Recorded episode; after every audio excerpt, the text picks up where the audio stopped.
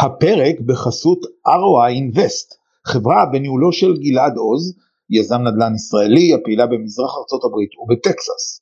החברה עוסקת ביצירת הכנסה חודשית על ידי קניית נכסי נדל"ן מסחריים בארצות הברית, המייצרים תשואה כבר מהיום הראשון.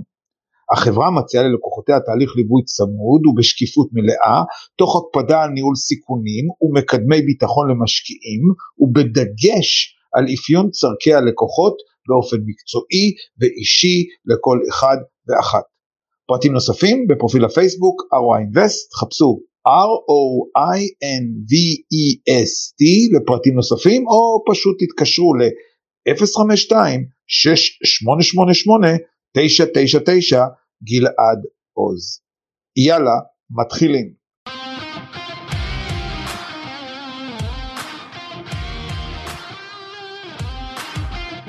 אמריקה בייבי הפודקאסט שהוא שער הכניסה להבנת ההיסטוריה, החברה, הדיפלומטיה והפוליטיקה בארצות הברית, בהנחיית דוקטור קובי ברדה.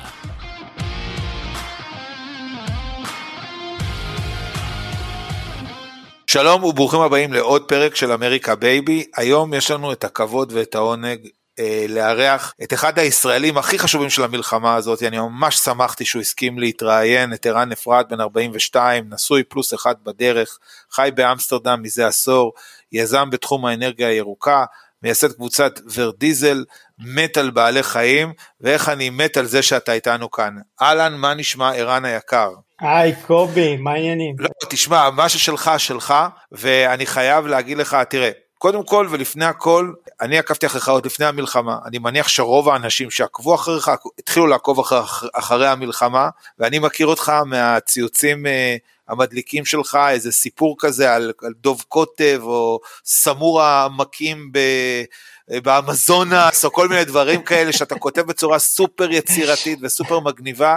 ואני חייב לשאול אותך איך פתאום קם אדם בוקר אחד בשבעה לאוקטובר, מפסיק את uh, מפעלות פינוי השמן מהמסעדות, uh, העבודה והתחביב לכתוב על, uh, על סמור, uh, ומחליט שהוא קם והוא מתחיל ללכת. תן לי, בוא נתחיל קודם כל ככה, מהנקודת מוצא הזאת ונגלגל את זה משם.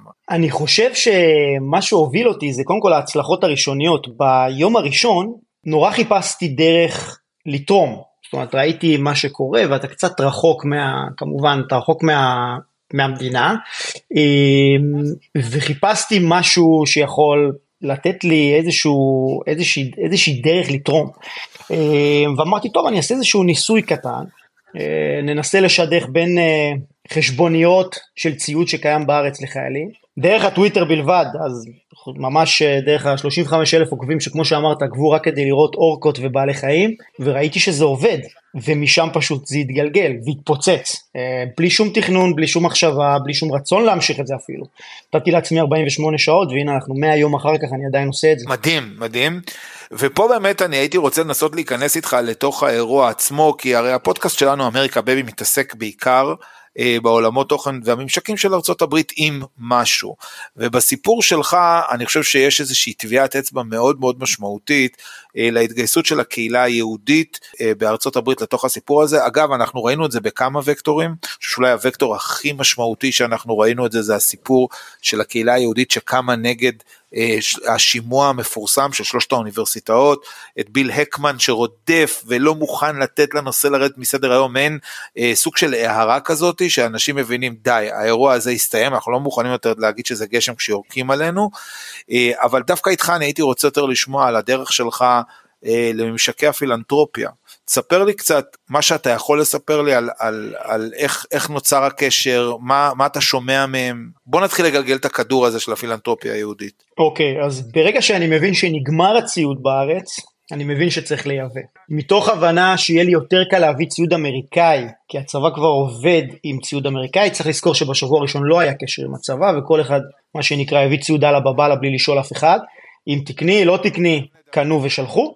Uh, המחשב, כן, אז המחשבה שלי הייתה שאם אני מת, uh, מתמקד בארצות הברית, הסיכוי שלי, פוטנציאל הנזק בלקנות ציוד לא תקין הוא יחסית נמוך, וכמובן שמתישהו הצבא אולי יעדכן אותנו במפרטים, הוא ידבר על ספקי אמריקאים כי אותם הוא עובד, וגם ספקי אמריקאים שמכירים את הצבא ויכולים להוביל אותי ולהגיד תקשיב הצבא רוכש את זה ממני תרכוש, תרכוש גם זה יכול להתאים.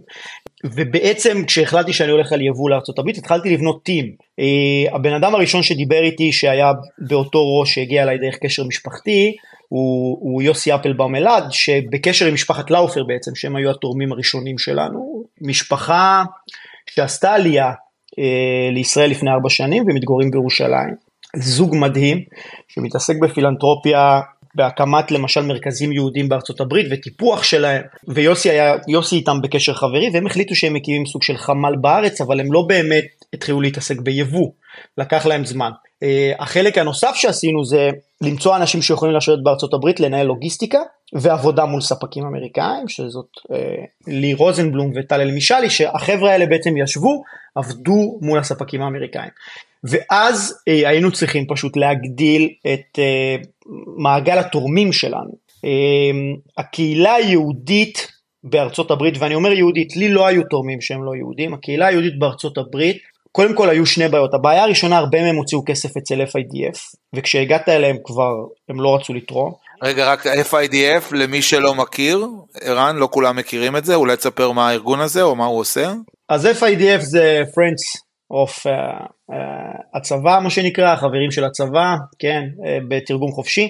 זה ארגון שעושה דברים נהדרים. הם עושים ערבי גל, אוספים הרבה מאוד כסף, אבל הם לא רוכשים אמצעי לחימה ומיגון, אסור להם להתעסק במוצרים צבאיים גריידה, ולכן הם מתעסקים בלבנות חדרי כושר, לקנות מזרנים, חטיפי חלבון, תחתונים, דברים שהם חשובים מאוד, אבל בחירום בעיניי טיפה פחות. וכשהגענו להרבה תורמים כבר אמרו, תקשיב, שמתי עשרה מיליון אצל FIDF, לך דבר עם FIDF. וניסינו להגדיל טיפה את מעגל התורמים לאירופה, זה לא צלח.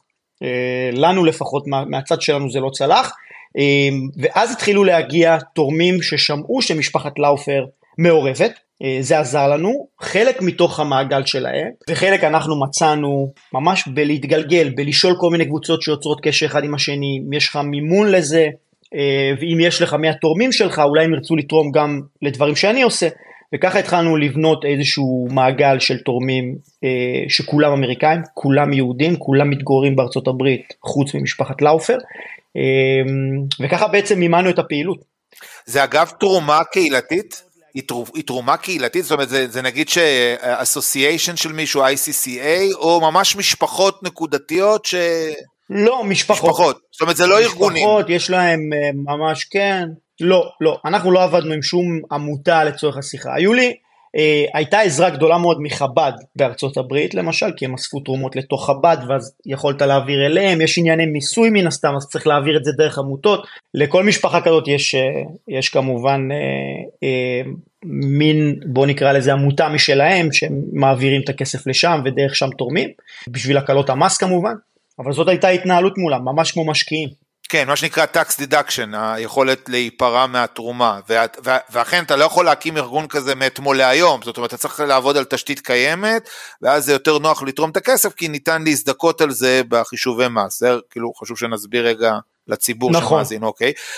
אז... נכון. לכן יש לנו גם פוש מאוד גדול, סליחה שאני כותב אותך, יש לי פוש מאוד גדול בדצמבר, כי כולם רוצים לתרום לפני סוף שנה בגלל הקלות המס, פתאום מגיע flow של כסף נוסף ואנחנו נדבר על הציוד שרכשנו. אז, אז, אז רגע רק כדי שאנחנו עדיין נהיה בתוך העולם של הפילנטרופיה היהודית מה שאתה מתאר פה זה מעין אה, ח, אה, חבר מספר לחבר נכון זאת אומרת אתה לא מייצר איזשהו מוטת נכון. שליטה של אה, כי, כי זה אגב משהו שכן בדרך כלל עולם הפילנטרופיה היהודי מאוד מאופיין בארגון קהילתי זאת אומרת אנשים אה, ה-Greater Mississippi Area, ה-Jewish Federation of טה טה טה או JCCA או משהו כזה, או דרך ארגונים מאוד ותיקים, אה, קק"ל אה, אה, או, או ארגונים אחרים, אתה אומר לא, אנחנו בנינו איזשהו מערך שמתנייד גרס רוץ כזה, ממש ברמה של להגיע בכל מיני מקומות, כל, מיני, כל אחד תורם בהתאם למה שהוא יכול לתרום, ואפילו העברות הכספים לא מתבצעות ישירות לקופה אחת, אלא דרך כל מיני מסלקות בדרך, שאנשים יודעים לעבוד איתם, ואז נכון, זה בסוף עובר, נכון? נכון. זאת אומרת, זה הסיפור. נכון, וגם דקרת את הנקודה בדיוק, נכון, דקרת את הנקודה בדיוק. הסיבה שלא הלכתי לארגונים גדולים, קודם כל כי מי מכיר אותי, דבר שני הם היו מאוד מאוד איטיים כשאנחנו ניסינו לדבר עם ארגונים כאלה, דוגמת קק"ל. הרבה חמ"לים אה, אמריקאים של יהודים אמריקאים, אה, חמ"ל מיאמי או חמ"ל לוס אנג'לס אספו כספים אולי מבית הכנסת, אולי מאנשים עשירים. אה, אני ראיתי אותם קצת כמו לירות לכל הכיוונים, אני רציתי להביא ציוד ייחודי, רציתי שהתורמים ידעו מה הם תורמים. ולכן לא אספנו כסף בעצם, התורם קיבל חשבונית, ראה מה הוא תורם, עשה due diligence על המוצר הזה, אם זה must have או nice to have, למה החלטנו דווקא את זה ולא משהו אחר, ו- ופה היתרון שלנו שעבדנו עם הצבא באופן ישיר בעצם, זאת אומרת קיבלנו מהצבא את המפרטים, היינו, היינו איתם בקשר נונסטופ, נתן לתורמים את ההרגשה שהם תורמים ישירות לצבא ולא לארגון עכשיו שיחליט מה לקנות ולזרוק על הצבא. וזה נתן לנו יתרון אדיר בלגייס הרבה מאוד כסף, כי אנחנו בעצם היינו סוג של משלחת רכש צבאית, לא רשמית, לא באישור הצבא כמובן, אבל כשאתה מגיע לצבא ואומר לו איזה קסדה אתה רוצה, זאת או זאת, והוא אומר לך זאת, אתה יכול ללכת לתורם ולהגיד הנה, זה מה שהצבא צריך, הנה הכסף שלך מגיע ישירות לצבא, ועוד נקודה סופר חשובה, הצבא חילק את זה, לא אני חילקתי. אז כל הציוד הגיע ישירות לצבא, הוא שחרר ממכס אה, וחילק את זה לפי ראות עיניו, שזה היה מאוד מאוד חשוב אה, לתורמים האמריקאים, בצורה ממש לראות איפה, שה, איפה הכסף שלהם, הם רצו אחר כך גם עדכונים, מה זה עושה, הרבה פעמים שאפרודים הצילו חיי אדם, או המצלמות, או קסדות, הם רצו לראות את זה ושלחנו להם, ממש לראות שאת ההשקעה שלהם מניבה. אה, אני אומר את זה בצורה כזאת, אבל אה, זאת הייתה התנהלות מולם בעצם, והתנהלות עד היום. אז זה בעצם ערן מה שאתה אומר, ואני אעשה איזשהו סאם אפ, כי אני מתעסק בדיילי ג'וב שלי, אני מנהל אגף קשרי חוץ של עיריית נתניה, ואני מחובר גם לקרן נתניה לפיתוח. בעצם מה שאתה מספר, יש טרנד שהוא כולנו, כל מי שמתעסק בעולם הפילנטרופיה מכיר אותו, אה, שבשנים האחרונות אנשים מבקשים קודם כל מינימום כסף שעובר אה, דרך המסלקה של הארגון, אנשים רוצים לדעת שהכסף מגיע ישירות לבן אדם. אגב, אני פותח סוגריים ומספר שלמשל בעיריית נתניה שמפעילה את הקרן לנתניה, שהמנכ"ל שלה זה שלומי ורונר, אז העירייה נאלצת לשלם לו את הכסף כי התורמים לא מוכנים לשלם כסף, אז מה קורה? הוא מגייס את הכסף, נגיד לקליטה של אה, ילדי אתיופיה, זה מוריד מהעומס של העירייה, אבל העירייה, בגלל שהתורם לא מוכן שהוא יגזור קופון, נאלצת להעביר מכסף של העירייה כדי לתחזק את הארגון, אז אתה בעצם מתאר איזשהו אה, תהליך שקורה גם כעת, גם בתקופת חירום, זה לא רק שזה, זה מעין כנראה טרנד שהוא מתמשך, ודבר שני, אתה מתאר את זה שהאירוע מגיע ממש עד אה, ללוחם בקצה. עכשיו אני רוצה לשאול אותך שאלה, אה, אני לא יודע, אולי אתה לא תדע לענות לי עליה, כי אני שמתי לב שהרבה מאוד פעמים אנשים נורא רוצים לתרום למשהו ספציפי, זאת אומרת נגיד הם נורא רוצים לאמץ יחידה ספציפית, הם רוצים את הקומנדו הימי שלשם זה ילך, ואני יודע שהצבא בשנים האחרונות אה, החליט שהוא עוצר את הסיפור הזה של אימוץ יחידות אה, נקודתיות, וזה מייצר איזושהי התנגשות בין תורמים שהבן שלו בגולני, או שאבא שלו היה פעם בגולני והוא רוצה... איך אתה הצלחת לרבע את המעגל הספציפי הזה? ככל שהיה לך בעיה, אולי לא הייתה בעיה. לצבא אסור לעבוד מול תורמים, אתה צריך לעבוד מול האגודה למען החייל, או מול משל, משלחת הרכש שהיא היחידה שיכולה לעבוד מול גורמים אזרחיים. הצבא פה עשה איזשהו סטפ בגלל אה, מצב חירום, אה, שבעצם אפשר לך לעבוד מולו, בכלל לענות לך, בכלל לפרסם מפרטים, והם עשו את זה כי נחת עליהם ציוד אה, 24/7 מכל העולם, והם רצו, אמרו אם אתם כבר זורקים עלינו, אל תזרקו עלינו זבל, תנו לנו דברים שאנחנו יכולים להשתמש בהם. גם, גם כאן היה אימוץ יחידות, עדיין, אתה, כשאתה מגיע לתורם ואתה אומר לו תראה אני רוצה את הציוד הזה באופן ספציפי ליחידה כזאת וכזאת זה מעלה את הסיכוי שלך להביא תרומה. אה, אם אתה תגיד לו אני צריך סרבלים לשריון או שאתה תגיד לו אני צריך רחפנים לשלדג הוא ירצה כן. לתרום אה, ואם הסכום הוא דומה כמובן הוא ירצה לתרום את הרחפנים לשלדג. אני חושב שבהמולה שהייתה היית יכול לעשות מה שאתה רוצה אף אחד אה, לא הפריע לך להביא ישירות ליחידות או, או לצבא. אה, אחר כך זה, זה, זה הפסיק, הצבא הפסיק בעצם את מהלך התרומות ועבר לאיזשהו מצב שאתה לא יכול לתרום, אה, הצבא לא מאשר יותר תרומות רק באופן חריג ואתה צריך לעבוד מולו, גם יחידות מיוחדות היו צריכות לעבור דרך משרד הביטחון, אז הציוד עובר למשרד הביטחון ואז משרד הביטחון נותן להם את זה. בחודש השני ראינו שינוי מה שנקרא חזרו לבסיס והתארגנות. דברים שעשינו בחודש הראשון תחת פאניקה ומצב חירום, לא היית, אתה לא יכול לעשות היום יותר, וזה הפסיק. בצבא בעצם אמר אוקיי, זה, זה מבהיל אותי, יש פה יותר מדי בלאגן, אה, כל אחד פה תורם ל, אה, למי שבא לו, בואו נפסיק את זה. אז עוברים לעבוד מול משרד הביטחון, ומשרד הביטחון בעצם אומר אוקיי, אתה רוצה לתרום קסדות לשייטת? יופי, תביא את הקסדות אליי, אני אתן להם אותן.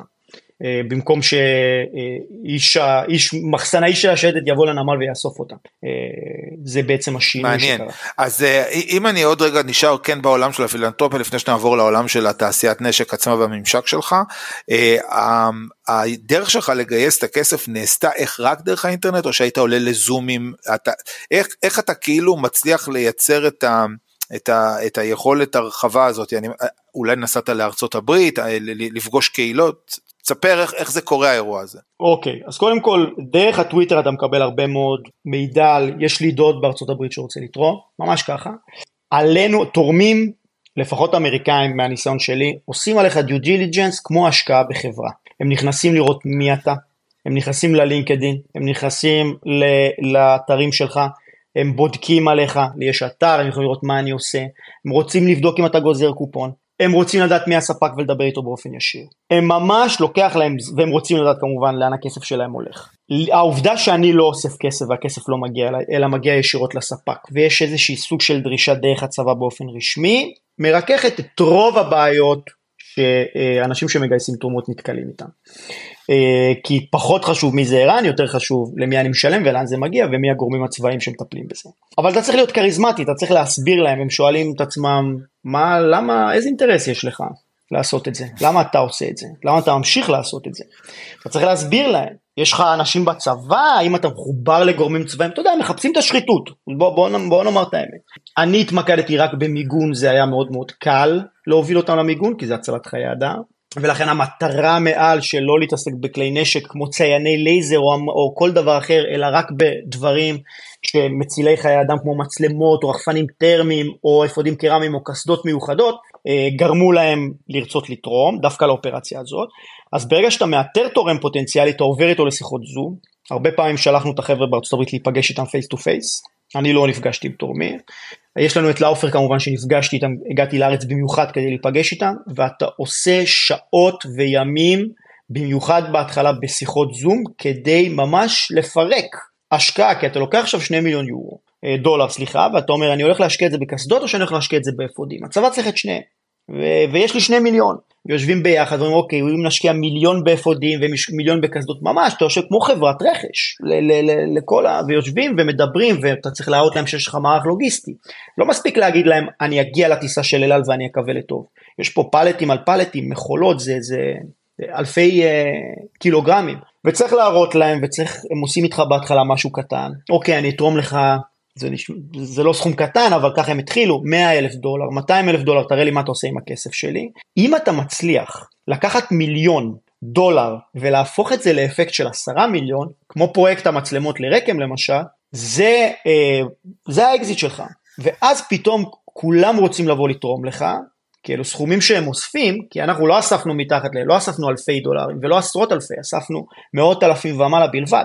ואז הם פתאום אומרים, שמע, שווה לי להשקיע באופרציה של ערן. כי ערן עושה אפקט, כי ערן מגיע למדיה, כי ערן מראה תוצאות בשטח. כשאני תורם תחתונים או חטיפי חלבון דרך איזה חמ"ל במיאמי, וזה מתפזר all over the place אצל המילואימניקים, אין לי מושג מה הכסף שלי עשה.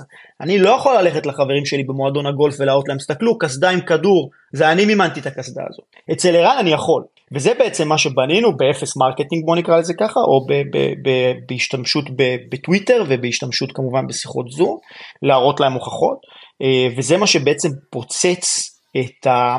את התרומות, זה פשוט הביא לנו כמות כסף שבזמן מסוים היה לי יותר כסף מאשר ציוד זמין. הייתי יכול גם לגייס 100 מיליון. זה מה שהיה באמריקאים, הם נורא רצו לעשות פילנטרופיה, אבל הם רצו שהכסף שלהם י, ייתן להם יותר מאשר הם שמים.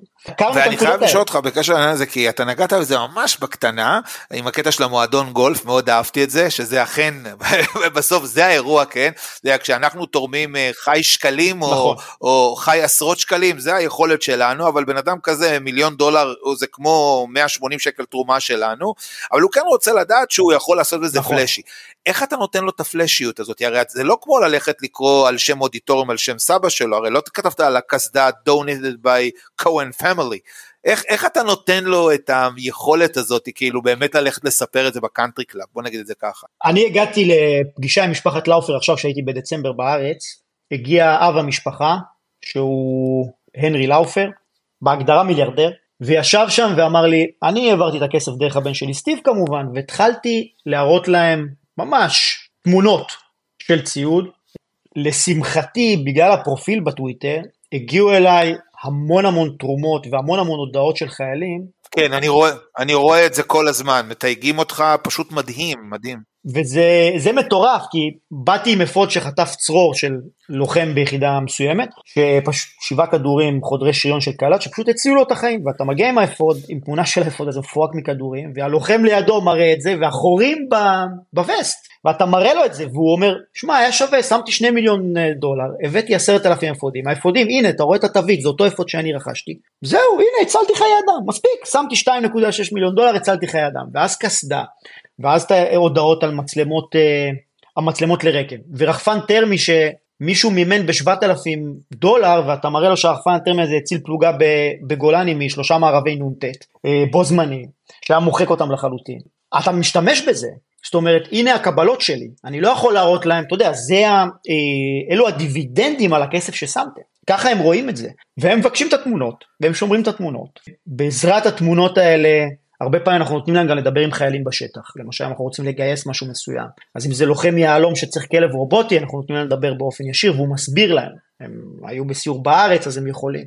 זה הדרך שהייתה שלי, ככה אני השתמשתי בתמונות ובדברים האלה ובהודעות האלה, כדי לגייס גם עוד תרומות אבל גם לתת להם אה, את ה... פירות על העבודה שלהם, על התרומה שלהם. תשמע, אני חייב להחמיא לך, כי זה מדהים, אתה יצרת פה סגמנטציה חדשה של יכולת, כי הרי בסוף, בסוף, בסוף, תמיד בעולם הפילנטרופיה, למעט המעטים שאומרים לך תרומה בסתר, שלא רוצים שידעו מי אתה, קיימים כאלה, אבל הם בשוליים. רוב האנשים שתורמים, יש להם אה, החזר מסוים, החזר מסוים זה עושה להם טוב לאופי שלהם, כמו שאתה אמרת ב country club, הם מראים את זה, זה ו, ובעצם וזה מה שמאוד עניין אותי, איך אתה מצליח לייצר, על הקסדה לא כתוב, זה לא כמו האמבולנס by Katz family from בוקה רטון פלורידה, איך עושים את זה?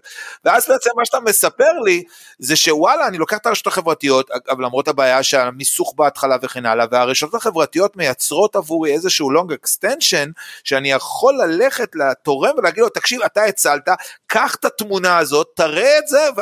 תשמע, זה מדהים, אני, אני אומר כאילו, ממש יצרת איזשהו גלגל תנופה חדש, דרך רשתות חברתיות, כדי לשכנע סוחרים, זה מדהים. וזה מביא אותי בעצם מכאן לקטע הצבאי שאני נורא רציתי לשאול אותך, תעשיית הנשק האמריקאית וכן הלאה. אני יצא לי לעקוב אחרי כל הציוצים שאתה כתבת, בהתחלה באמת היה אחד הדברים הכי מדהימים, זה שאתה מדבר עם אנשים על אה, אה, מבחני אה, יריות כדורים, בליסטיקה, מבחני בליסטיקה, אני מניח שאתה גם לא ידעת את זה לפני זה ו-on the fly ככה למדת איך אה, חבר'ה אל תביאו זה מיותר, לא יעשו בזה שימוש, טה טה טה. ספר לי קצת באמת איך אתה מצליח לחבר, לממשק, בין מה שהצבא רוצה לבין התעשייה הצבאית האמריקאית שיודעת לתת לך. איך אתה מצליח לסנכרן את האירוע הזה? אחד, ה, אחד הפערים הכי גדולים זה היה מן הסתם זמינות ציוד בגלל המלחמה באוקראינה. אנחנו שוכחים שיש כבר שנתיים מלחמה באוקראינה והאוקראינים הגיעו ועם עגלת קניות ענקית פשוט רוקנו את המדפים של הספקים האמריקאים. קודם כל בעבודה מול ספק אמריקאי בהתחלה הם אתה חייב לעבוד במזומן, כי אין לך איזשהו credit line אצלו, הוא לא מכיר אותך. זה קצת מסובך, כי אתה צריך לבקש מהם אה, כמובן איזשהו סוג של proforma invoice, איזשהו סוג של התחייבות, שישמרו לך את ה stock, שאף אוקראיני לא ייקח את זה. ואז אתה קודם כל לומד מה אתה רוכש. אנחנו בימים הראשונים פשוט ישבנו יום ולילה וניסינו להבין מה אנחנו רוכשים כדי שנוכל להסביר לתורמים, מה ההבדל בין הקסדה הזאת לקסדה הצה"לית, מה זה האפוד הקרמי הזה ולמה לא לקנות אירופאי או סיני שעולים רבע, ואז בעצם אתה מתחיל איזשהו גלגל שאתה חייב אה, להכניס בו גם יחסים אישיים עם הספקים האמריקאים.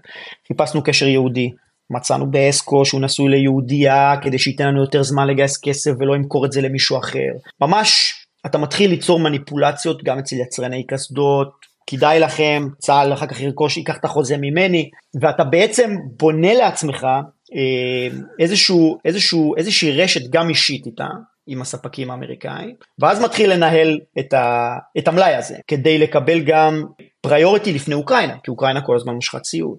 ואני חייב להגיד שהאנשים ששמתי בארצות הברית, ששיתפו איתי פעולה, כל הזמן תדלקו את היחסים האלה, כל הזמן אה, גרמו לספק אה, לראות שהוא בסך הכל עושה עבודה טובה, גם הם קיבלו מאיתנו את התמונות וגם הם קיבלו מאיתנו את הפידבקים, אתה יודע זה חשוב להם לעזור לישראל. וזהו, זה, מבחינתי זה היה כמו כל ספק אחר, אני מתעסק ב, בלוגיסטיקה ואני מתעסק במסחר של חומרי גלם, אנרגיה ארוכה אומנם, אבל זה בסוף היחסים עם הספק הם הכי חשובים, כי אתה רוצה ממנו את, ה, את העזרת פלוס הזאת, גם ש... גם במחיר, גם ביחס, גם במהירות משלוח, גם במהירות הייצור. אז לך איזשהו discount בגלל הכמויות הגדולות שאתה קנית? או ש... כן. בוודאי, חד משמעית. לא, לא, התמקחנו על המחיר כמו ישראלים, בוודאי. הורדנו 20-30 דולר ללוח לפעמים, הרבה פעמים אמרנו תשמע זה הכסף של התרומה או שאתה נותן לי את זה או שאני לא קונה. בוא תעזור. אתה יודע אני במלחמה אני צריך עזרה. ב- בימים הראשונים הסתכלו עליהם כמו חייזרים כי זה להם נראה להם הזיה שאזרחים פשוט פונים ל... שיש משלחת רכש פונים אליהם. פשוט הם הוא, אמרו לי תקשיב אתם מדינה של לא נורמלי אתם, אתם חולי נפש, זה לא הגיוני. לקח להם זמן להבין שאמרתם, תקשיבו, אני, אני עושה את זה יותר מהיר פשוט. משלחת הרכש תתחיל עכשיו לקחת ממך הצעת מחיר ותשקול. בוא, 48 שעות זה בארץ. ואז אתה מתגלגל איתם, והם סומכים עליך ואתה סומך עליהם, ומבקרים אותם, ומדברים, ומראים לך, וזה הופך ממש להיות כמו ספק, כאילו זאת חברה שלך. על אף שזה זמני, והוא יודע שזה זמני, הוא מקווה כמובן שאתה יודע, צה"ל כבר קונה מהם בסוף.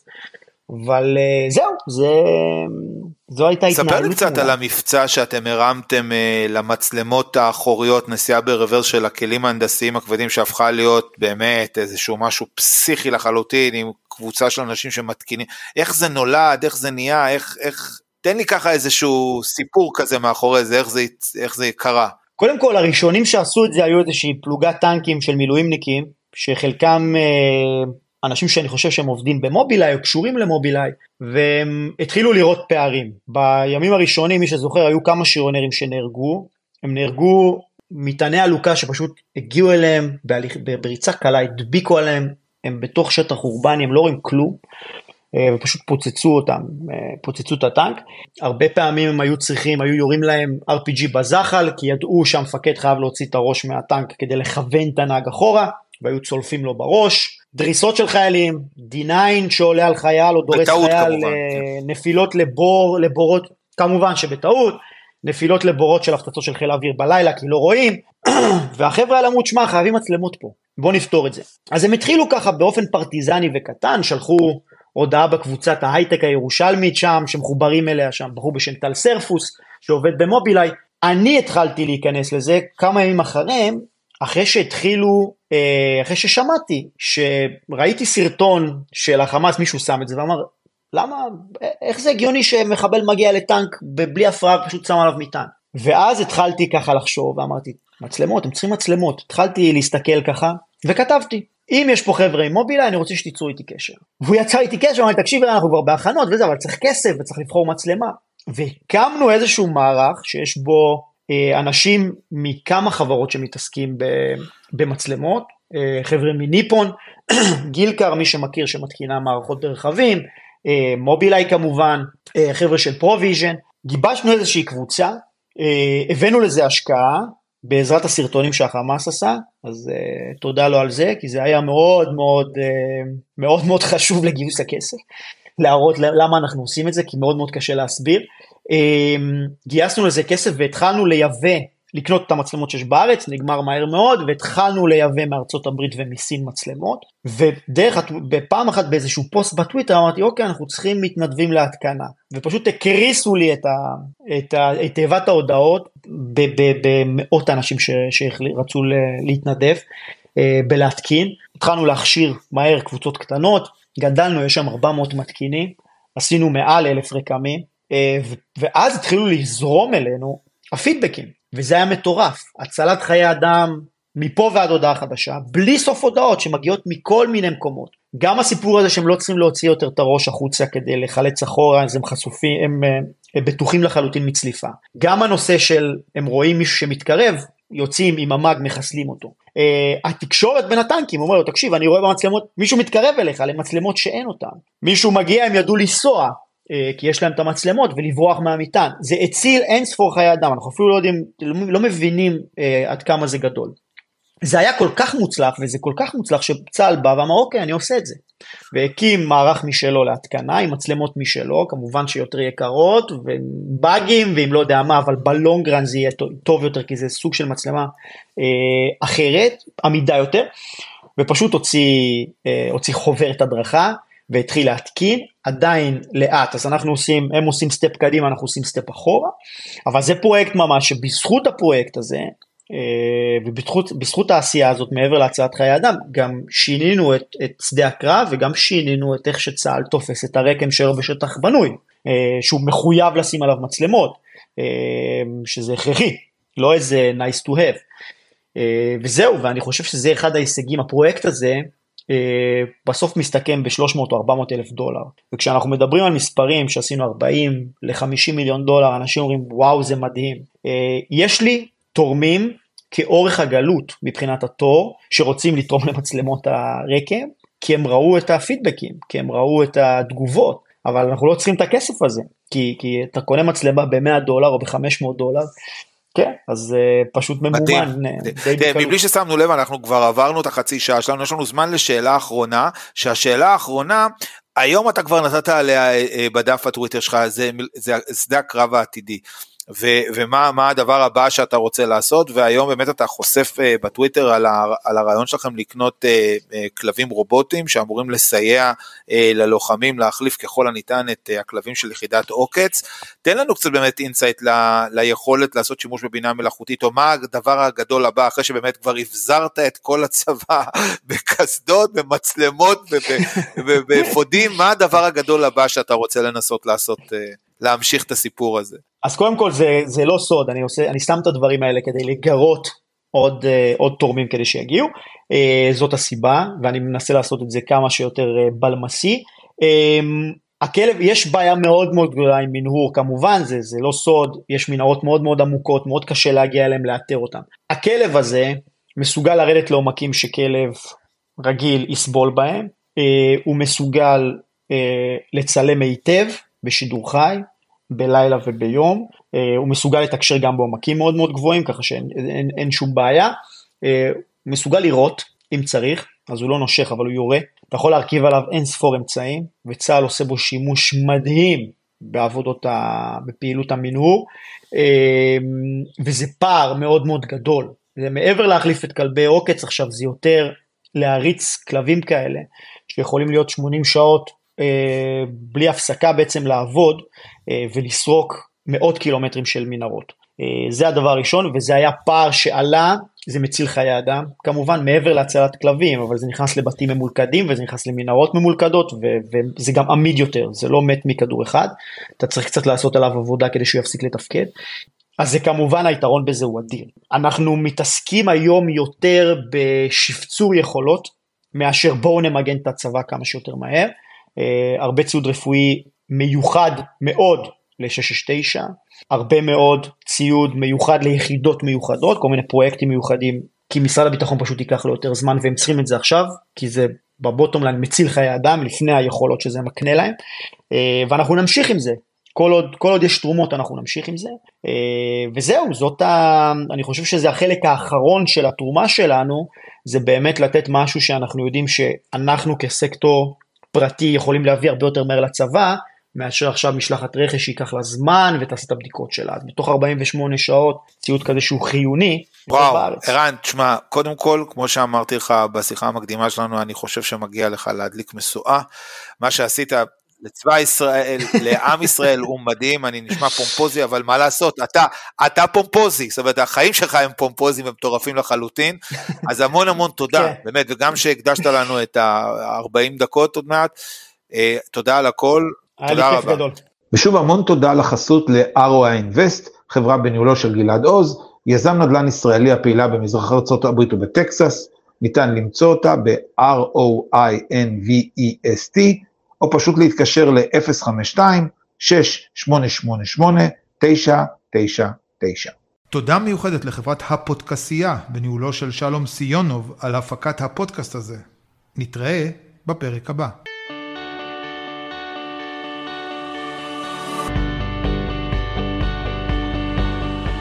דוקטור קובי ברדה הוא מומחה להיסטוריה פוליטית אמריקאית ויחסים בינלאומיים, וחוקר בכיר בחממה לחקר דתות של אוניברסיטת חיפה, וקתדרת חייקין לגאו-אסטרטגיה.